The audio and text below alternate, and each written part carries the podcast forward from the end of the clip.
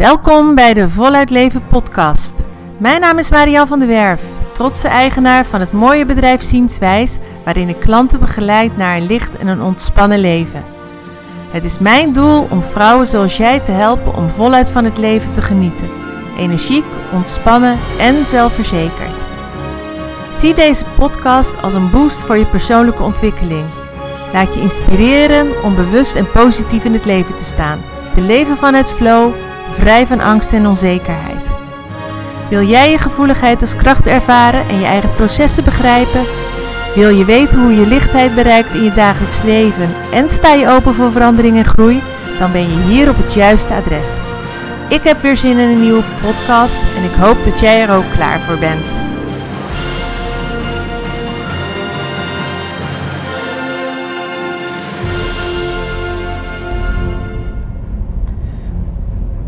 Welkom bij weer een nieuwe Voluit Leven podcast. Vandaag wil ik je opnieuw meenemen naar jouw verhaal, wat je vertelt. Alleen nu niet vanuit het oogpunt dat je in het vertrouwde wilt blijven hangen en eigenlijk ergens onderliggend iets is waarom je niet zou willen veranderen of omdat je het lastig vindt om los te laten. Nee, vandaag gaat het er juist om hoe het komt dat je blijft hangen in je oude verhaal, terwijl je dat juist helemaal niet wilt. En dit is dus wat ik heel vaak in de praktijk wel tegenkom: dat mensen, cliënten wel in beweging komen en er wel alles aan doen om hun nieuwe leven te gaan leiden. En toch op een of andere manier stagneert de boel. En komen ze niet verder. En dat is dan vaak ook de reden waarom ze bij mij terechtkomen.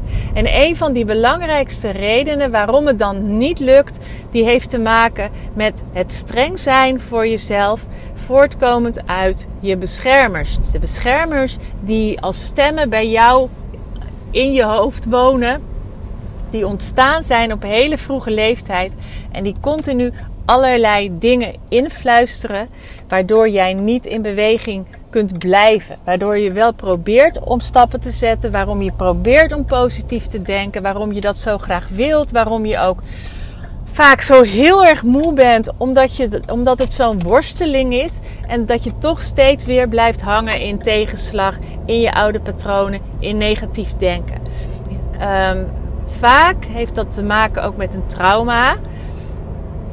Uh, maar dat is weer voor een andere podcast, bedenk ik me dan nu. Nee, vandaag gaat het met name over jouw beschermers. En ik ga je eerst eens uitleggen wat ik daarmee bedoel. Want misschien heb je er wel van gehoord, misschien ook niet.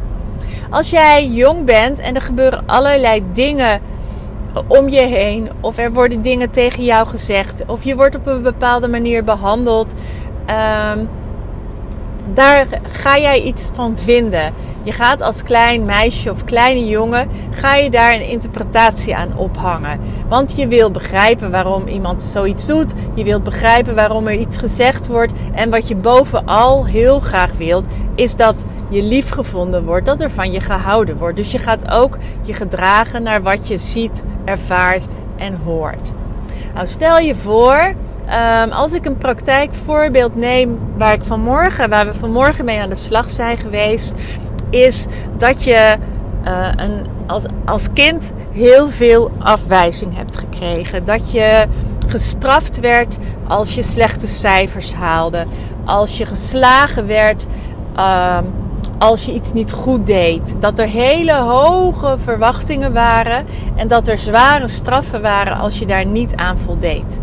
Als er negatieve dingen tegen je gezegd werden. Dat je het niet goed deed, dat je lelijk was, dat je te lui was, dat je niet hard genoeg werkte, dat je niet je best deed, dat je het maar zelf moest oplossen. Dan ga je dat als klein meisje of kleine jongen, ga je dat geloven. Je gaat geloven dat je er niet, ergens niet goed in bent. Je gaat geloven dat je verkeerd bezig bent, waardoor je straf verdient.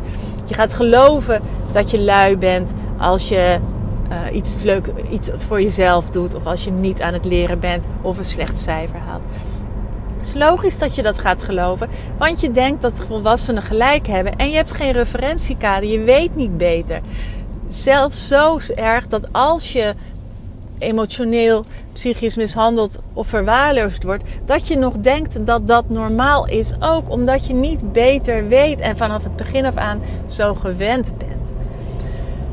Met als het gevolg dat je dus gaat geloven wat er tegen je wordt gezegd. Nou, je gaat daar ook naar handelen.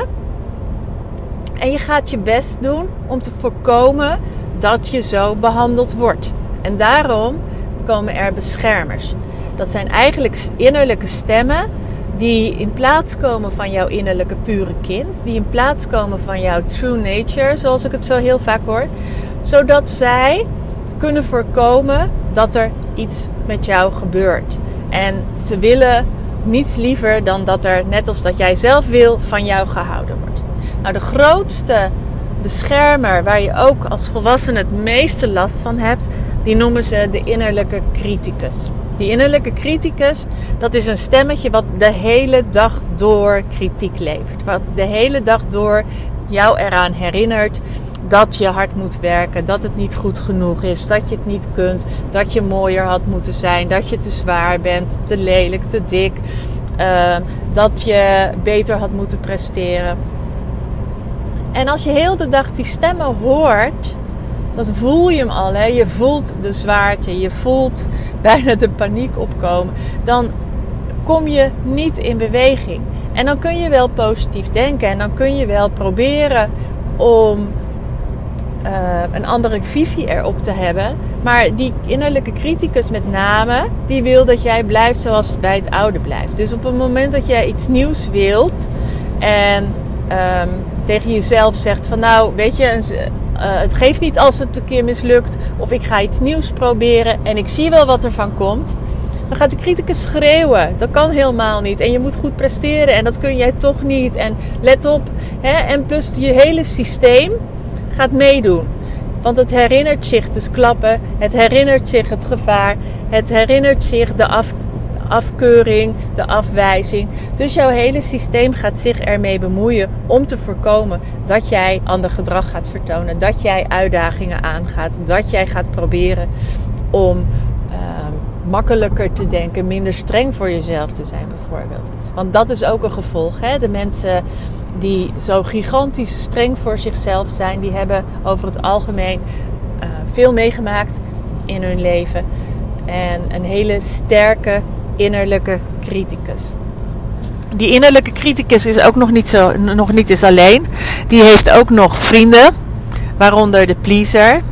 Dus dat, nou ja, dat woord zegt zich al. Um, die wil dat jij je voorbeeldig gedraagt en je aanpast en vooral doet wat anderen willen om te voorkomen dat er iets gebeurt wat niet zo fijn is. Um, de, de regelgever die wil dat je je aan de regels houdt.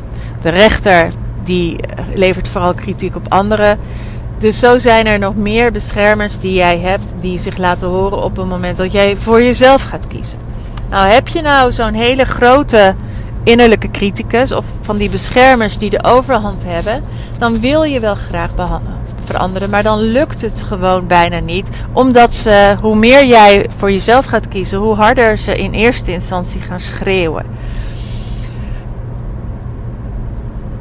Dat, weer, dat mag je of hoeft je niet te weerhouden dat het uiteindelijk wel gaat lukken. Alleen er is vooraf werk nodig. Er is werk aan de winkel. Je kunt niet op dat moment dat ze nog zo aanwezig zijn, hele grote stappen verwachten. En dat hoeft ook helemaal niet. De eerste stap is je weer herinneren, eigenlijk wie jij was als klein meisje. En wat je eigenlijk nodig hebt. Wat je nodig hebt als klein meisje. En de andere hele belangrijke stap is dat je je realiseert dat jij niet je beschermers bent. Vanmorgen zei iemand heel pijnlijk: Ik ben niet voldoende. Ah, dat ging me door merg en been. Want natuurlijk ben jij altijd voldoende. Alleen op het moment dat jij je identificeert met je innerlijke criticus, die de hele dag tegen jou zegt: Ik ben niet goed genoeg, het is niet goed genoeg, je had beter moeten doen, jij bent niet voldoende, dan ga je dat geloven. En Um, soms als het heel erg heftig is wat je hebt meegemaakt, of het heeft er gewoon heel erg ingehakt, is echt traumaverwerking nodig. Maar uh, in de vorm bijvoorbeeld van EMDR. Maar sowieso is er een helingproces nodig en een loskoppeling van, met je, van jou en je beschermers. Dat je je realiseert dat het stemmen zijn waarvan je je dus ook kunt distancieren. En op een moment dat jij jezelf weer kunt gaan zien door de ogen van dat innerlijke kind. Dat je dat innerlijke, dat kleine meisje weer voor ogen hebt met haar goede eigenschappen. En je realiseert dat onder al die stemmen en onder die aangepaste ikken eigenlijk een pure ik zit. En dat het nu de tijd is dat die zich mag laten horen. Dan kun je ook gaan kijken van wat je allemaal in huis hebt wat je allemaal voor mooie kwaliteiten hebt. Dat het eigenlijk heel bijzonder is, zeker met je hooggevoeligheid, dat je extra sterretjes hebt. En let wel, hooggevoelige mensen die hebben een ongelofelijke pleaser en een ongelofelijke regelgever in zich. Omdat ze zo afgestemd zijn op anderen. En omdat ze zo hun eerste beweging is naar de ander toe. En omdat je ook als hooggevoelig meisje zo, zo, zo onwijs of jongen gevoeld hebt als er een afwijzing was. Als jij niet goed genoeg bevonden werd, moet ik zeggen. Want je was juist wel goed genoeg. Maar je voelde dat er een afkeuring was. De straffen kwamen extra hard binnen. Dan heb je die pleaser en die regelgever heb je heel erg aanwezig. En stap voor stap mag je die eigenlijk gaan vertellen dat jij het heft in eigen handen kan nemen. Dat je niet meer dat kleine meisje bent, maar dat je, en dat je niet meer bescherming van hen nodig hebt, maar dat je nu voor jezelf kunt zorgen. Dat jij zelf kunt bepalen wie je bent en hoe jij het wil. En dan komen uit mijn vorige podcast dat die dromen en verlangens om de hoek. Dat jij mag dromen en verlangen. Dat jij je eigen keuzes mag maken. Dat jij vanuit je kracht en je zelfvertrouwen mag doen en laten wat jij zelf wilt. Dat heeft tijd nodig dat heeft heling nodig. Maar als je eenmaal je innerlijke criticus of je beschermers herkent en je realiseert dat jij dat niet bent, dan wordt het wel makkelijker om die vervolgstap te gaan zetten. Het zij naar een vorm van begeleiding, het zij dat je stap voor stap jezelf gaat helen. Um, op een manier die bij jou past. Maar zolang jij vasthoudt aan die in aan die beschermers. Zolang jij denkt dat jij die beschermers bent, dat jij echt het helemaal zelf bent die dat daadwerkelijk van jou vindt, dan blijf je hangen in dat in die lage low energy, hè? depressie, um, schuldgevoelens, afkeuring, veroordeling. Dat zijn emoties die een ongelooflijk lage vibratie teweeg brengen. Dan zit de vibratie wel schaal van 1 tot 1000 onder de 100. En zolang je in die lage vibratie zit, wordt het niet beter. Op het moment dat je gaat kijken naar dat pure innerlijke meisje en je realiseert je dat jij het niet bent, al die stemmen, maar dat er onder die stemmen, eigenlijk voorbij die stemmen, voorbij die angst en die pijn, een waanzinnig mooi mens zit met heel veel talenten. Als je dat durft toe te gaan laten, dan kom je automatisch ook in een hoge vibratie. En als die persoon dan ook nog eens verlangens en dromen heeft en eigenlijk wel blij is met zichzelf, als daar de omslag is. En die omslag merk ik dus bijvoorbeeld tijdens een EMDR-sessie. Dat vanuit de pijn er op een gegeven moment een omslag komt halverwege. Dat iemand zegt van hallo, uh, het is mij aangedaan. Het was helemaal niet mijn schuld. Of het klopte helemaal niet. Maar als ik zoveel op mijn bordje krijg of zo voor de leeuwen wordt geworpen, is het logisch dat ik daar fouten in maakte en niet in één keer kon. En daar was ik ook kind voor. En dan komt er een omslag, want dan zie je wat er onder de pijn en wat er mis is gegaan daar. En dan ontstaat er een vorm van heling. Want dan komt de waarde naar boven. Van ik ben wel waardevol. Ik mag er wel zijn. Ik doe er wel toe. En bullshit al haal ik allemaal slechte cijfers, dat zegt niets over wie ik ben. En toen kreeg ik straf, maar als er nu iets misgaat, dan hoef ik mezelf niet langer te straffen. Dan ga ik gewoon weer door. En als een keer iets mislukt, of ik heb een keer ergens geen zin in, nou en, dat bepaal ik dan nog altijd zelf. En dat is de omslag. En dan kom je in die andere vibratie en kun je gaan helen. Ook al um, lukte het eerder niet. Dus ga bij jezelf te raden van hey, in welke mate spelen die beschermers bij mij de cruciale rol? En houden zij mij tegen om te veranderen, omdat ik zo streng voor mezelf ben, omdat ik zo oordelend eigenlijk over mezelf praat, dat ik zelf met mijn eigen gedachten die voortkomt uit die beschermers eigenlijk mezelf continu blokkeer om in een positieve energie terecht te komen, om in een hogere vibratie terecht te komen en om daadwerkelijk ook het universum voor mij te gaan laten werken.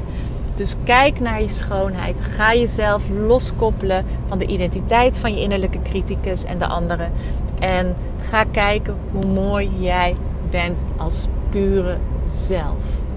Ik hoop dat je iets aan deze podcast hebt gehad. Geef hem net als de volgende keer door als je dit waardevol vindt, ook met anderen. Ik ben te vinden op YouTube en op SoundCloud. En ik hoop jou weer tegen te komen bij de volgende podcast. Doeg! Ik hoop dat deze podcast je verder helpt op je pad en dat je er iets aan hebt. Wil je meer weten of heb je een vraag en opmerking? Mail dan naar marian.zienswijs.nl Dankjewel voor het luisteren en wie weet tot de volgende Voluit Leven podcast.